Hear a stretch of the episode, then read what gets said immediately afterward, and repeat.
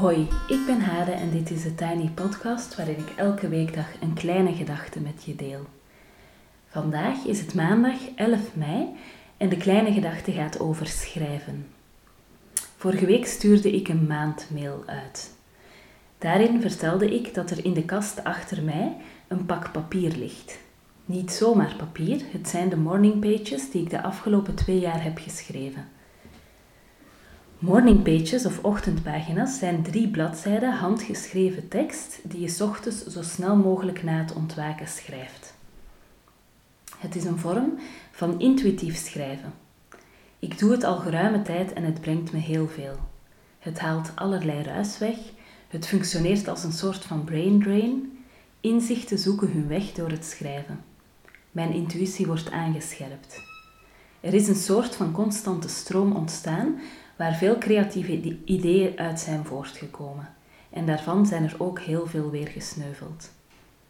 En dat is helemaal oké, dat geeft niet. Julia Cameron is de moeder van de Morning Pages. Ze zijn immers een tool uit haar boek The Artist Way. En wat Julia Cameron betreft zijn er heel veel strikte regels rond het schrijven van Morning Pages. Ze legt zelfs het formaat papier op dat je moet gebruiken. Ik ben daar naar mijn cursisten en mijzelf toe veel minder strikt in. Ochtendpagina's zijn altijd goed. Of je ze nu op de bus naar het werk schrijft, er vroeger voor opstaat, ze schrijft tijdens het eerste dutje van je kinderen, zoals ik lang deed, of je er nu bij tekent, plaatjes bij plakt, whatever. Of ze nu in een boekje terechtkomen of in een mapje, of zelfs of je ze nu elke dag doet of om de paar dagen. Ja, er is een ideaal en nee, dat is niet voor iedereen haalbaar of wenselijk trouwens. De enige regel rond morning pages die ik altijd heb aangehouden is: lees ze niet terug en laat ze aan niemand lezen.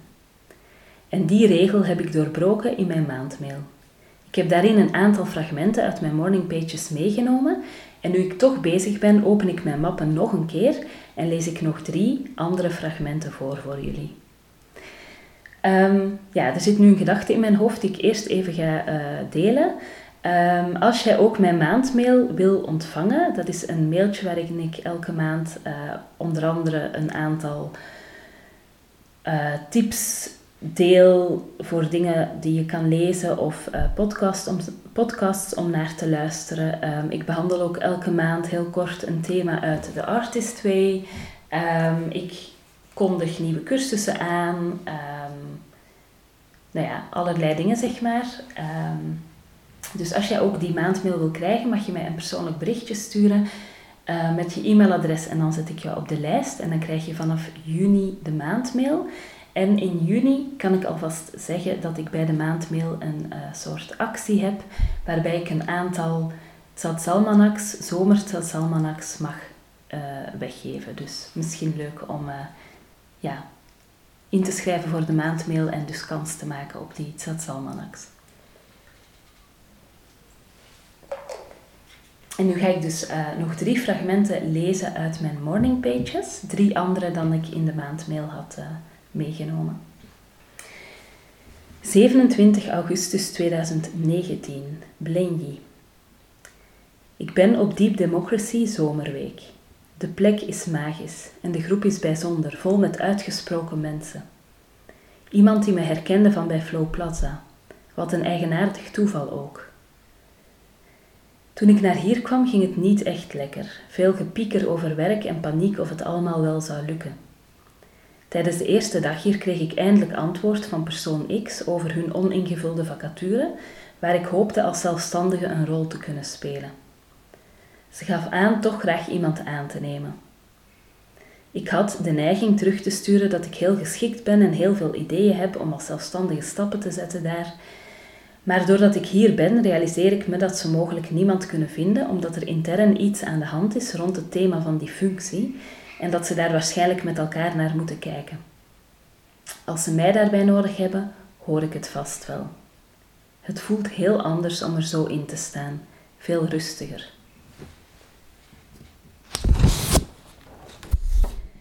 28 augustus 2019, Haarlem.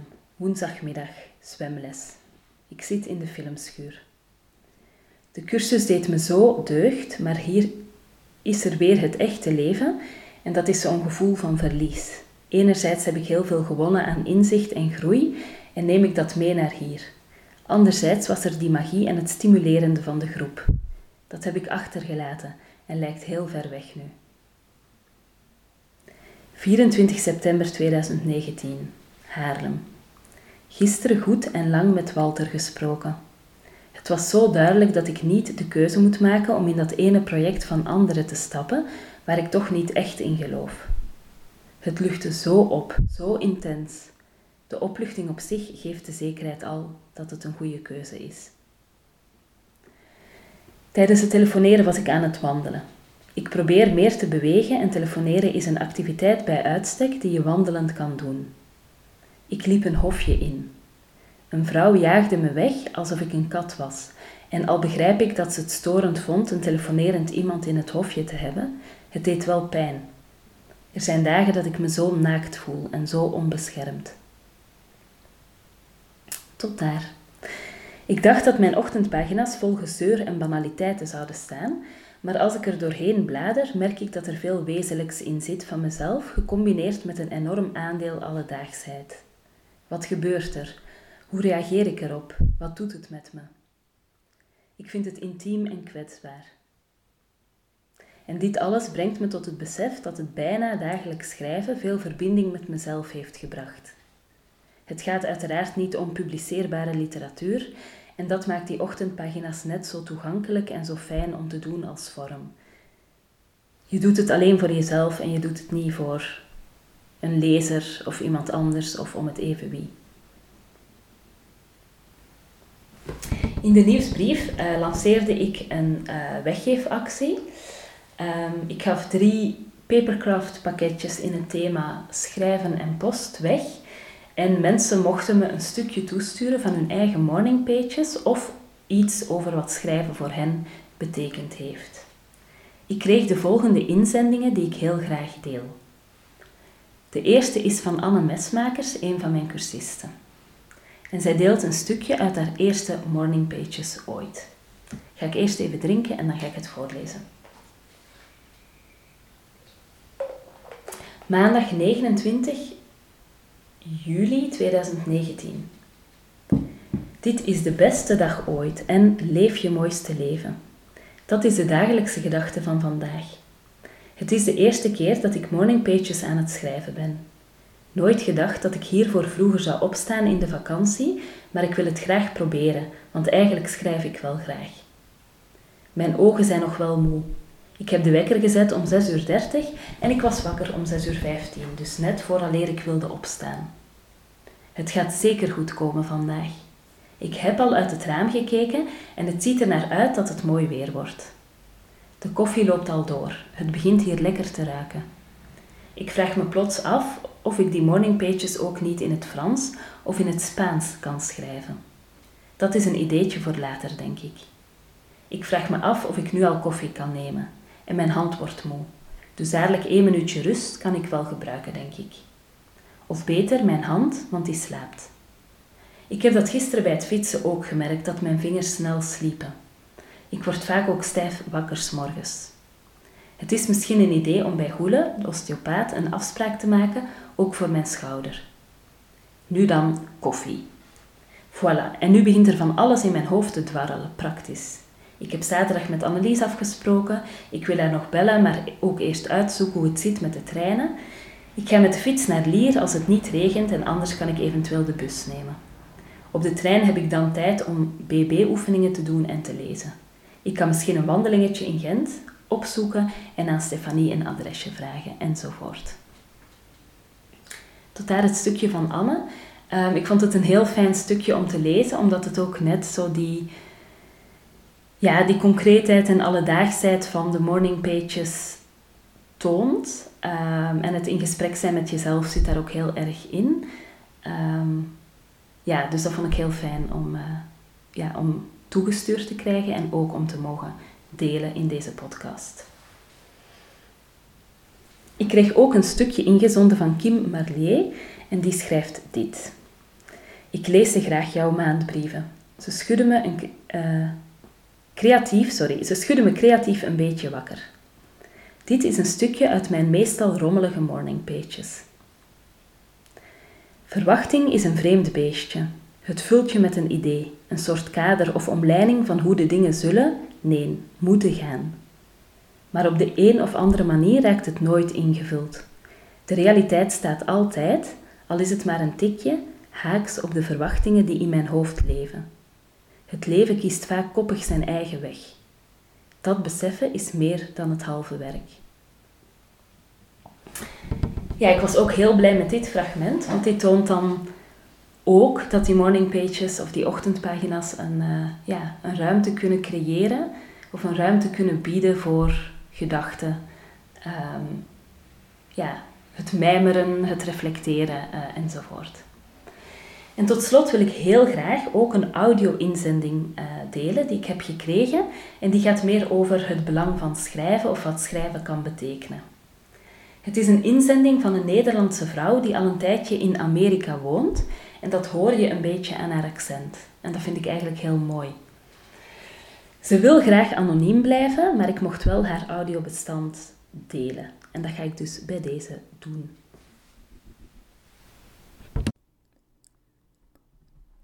Wat schrijven voor mij heeft betekend. Wist je dat als je dingen opschrijft, je deze beter onthoudt dan als je ze alleen maar denkt? En ja, daar is onderzoek naar gedaan, maar dit is niet de plek om daarover te schrijven. Misschien komt het daardoor dat ik in de periodes in mijn leven, wanneer ik een dagboek of een blog bijhield, dat ik me die periodes beter kan herinneren. Ook nu nog, wel 15 jaar na mijn laatste dagboek. Als wetenschapper denk ik gelijk. Het verband in mijn eigen leven hoeft natuurlijk niet in die richting kausaal te zijn. Het kan ook zijn dat ik in die periodes veel schreef, omdat er veel noemenswaardige dingen in mijn leven gebeurden. Ik denk aan drie specifieke periodes in mijn leven. De eerste periode was toen ik 15 jaar oud was en voor het eerst met iemand zoende en ook, later nog, voor het eerst seksueel actief was. Wat lijkt 15 nu jong, zo terugkijkend, als vrouw van 30. Ik ging toen door grote sociale veranderingen heen. Ik veranderde van gepeste nerd in mijn middelbare schoolklas naar, al zeg ik het zelf, populair meisje binnen de lokale alto- en gothic scene. In mijn klas paste ik nog steeds niet goed. Maar ik maakte wel voor het eerst vrienden en kreeg aan het einde van die periode mijn eerste serieuze relatie, die nog tot mijn negentiende heeft voortgeduurd en waarvan ik veel geleerd heb. En grappig genoeg schreef ik vooral veel daarvoor, voor die vaste relatie, toen ik van jongen naar jongen fladderde, soms wekelijks dronken was in disco's in het lokale jongerencentrum, een keer wiet probeerde en sigaretten en zelfs een keer winkeldiefstal pleegde. Dit laatste vind ik heel kwetsbaar om te delen, al zegt mijn psycholoog dat het heel normaal tienergedrag is. Toen ik eenmaal die vaste relatie had en stabiliteit in mijn leven vond en stopte met al het roken en drinken en dieven, stopte ik ook al gauw met schrijven.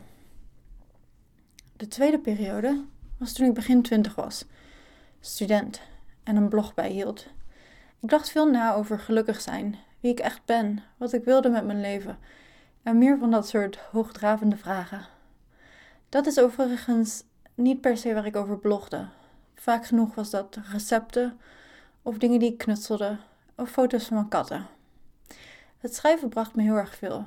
Het bracht me dichter bij mezelf. En waar ik echt blij van werd, daar bracht het me ook dichterbij. En dat was dus onder andere koken, creativiteit en mijn katten. Daarnaast maakte ik een bucketlist en schreef ik die heel publiek op een losse pagina op dat blog. En een aantal dingen daarvan voerde ik ook echt uit. Zo ging ik binnen een jaar na het beginnen van het blog voor het eerst in mijn eentje op reis. Inmiddels woon ik in het buitenland en reis ik vaak zat alleen naar conferenties. En vind ik het haast aandoenlijk dat ik als 22-jarige het best wel een big deal vond om in mijn eentje een weekendje naar het buitenland te gaan. Tegelijk weet ik ook heel goed dat als ik die bucketlist niet geschreven had en dat eerste weekendstedentripje niet alleen gemaakt had, ik waarschijnlijk ook die stage in het buitenland niet gedaan had en al helemaal niet in mijn eentje naar datzelfde buitenland verhuisd was. Dankjewel, inmiddels jarenlang verstoft blog, voor waar je hem allemaal gebracht hebt. En de derde periode, daar zit ik nu middenin.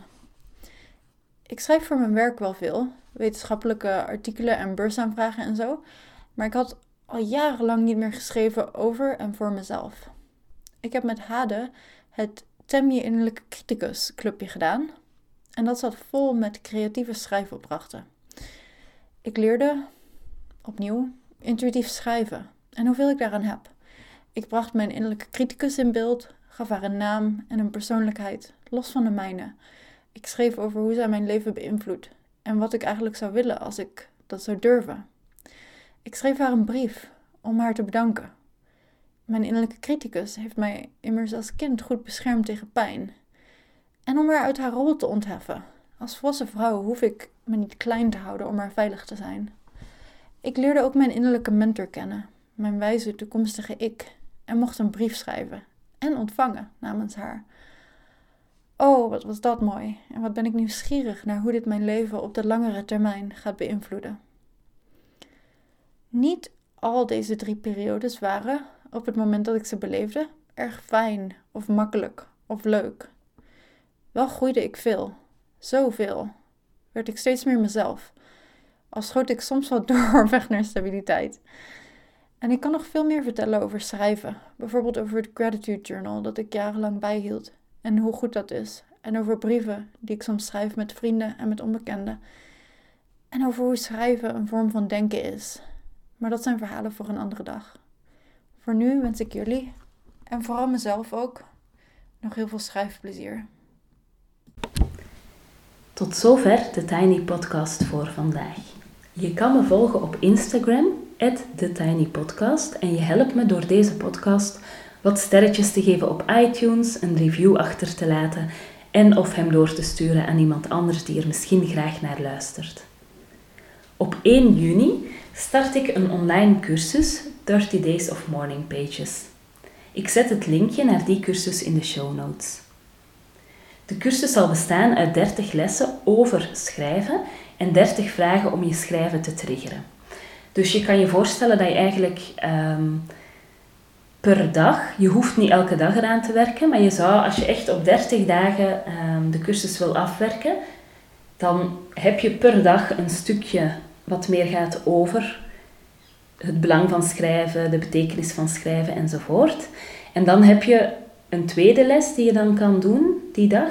En daar zit een vraag in of uh, een gedachte die een uitnodiging is om over te schrijven. Dus um, ja, iets waar je dus mee aan de slag kan gaan in het schrijven van je morning pages. Een soort van inspiratie of vertrekpunt. Um, en wat ik net al zei, je kan dan elke dag ja, de les doen en het schrijfgedeelte. Maar je kan ook bijvoorbeeld um, elke dag het schrijfgedeelte doen of om de paar dagen.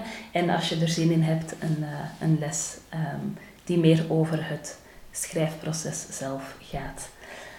Um, dat betekent dus dat je uh, eh, 60 lessen hebt. Ik vind het woord lessen ook een beetje ja, onhandig, want het zijn niet echt lessen natuurlijk. Uh, maar je hebt dus 60 lessen in de cursus waarmee je zelf in een periode van 30 dagen of langer um, kan werken aan het schrijven van morning pages, um, het intuïtief schrijven, het schrijven voor jezelf. Um, en dat kan echt een heel goede manier zijn om ja, eigenlijk zo goed op het spoor te komen van de thema's die voor jou belangrijk zijn, uh, het proces dat je aan het doormaken bent. ja, je eigen handleiding ook een stukje te zoeken van, van hoe gaat het, wat zijn triggers voor jou als het slechter gaat. Um, hoe merk je als het niet goed gaat? Um, wat kan je dan doen of wat heb je dan nodig om terug um, ja, in balans te komen? Vind ik hem ook een rare uitdrukking, maar om, terug, om je terug beter te voelen, om terug oké te zijn. dus daar gaat het specifiek over. maar daarover uh, zit dus ook een linkje in de show notes. En als je zin hebt om die cursus mee te doen, kan je dus alvast aanmelden. Um, misschien ook nog goed om te zeggen dat er drie varianten zijn. Namelijk, er is uh, de variant dat je gewoon op eigen houtje uh, de cursus doormaakt. Dan is er een tweede variant met een wekelijkse meeting met een groepje um, en ook een meeting voor en na, zeg maar. En dan een wekelijkse meeting met een groepje uh, andere mensen die daar ook voor kiezen. Um, en daar is het idee dat het um, voor veel mensen zo is dat een online cursus doen iets vrijblijvend heeft. Dus daar begin je dan met heel veel enthousiasme aan, maar het is dan ook makkelijk om dingen te gaan uitstellen of te laten liggen. Mm. En door um, het traject samen met een groep te gaan, en dan faciliteer ik die bijeenkomsten. En kan je dus met elkaar ook delen wat het schrijven met je doet, welke thema's dat er aan bod komen enzovoort. Dus door voor die variant te kiezen met de groep erbij, um, kan je ondersteund worden in het eigen proces en vooral in het volhouden van uh, je voornemen om die cursus ook echt volledig te doen. En dan is er nog een derde variant en dat is de variant met een uh, persoonlijk begeleidingstraject door mij. Dus dat is een één op één traject. Goed. Nu heb ik alweer heel veel gepraat. Uh, morgen is er een nieuwe Tiny podcast en ik heb al wel een idee voor een thema. Uh, ik moet het wel nog uitwerken. Maar ik denk zelf, even mijn boekje nemen, um, dat ik het over white female privilege wil hebben. En dat vind ik zelf ook spannend. Dus we gaan het zien. Um, voor nu wens ik je een heel fijne dag en tot later.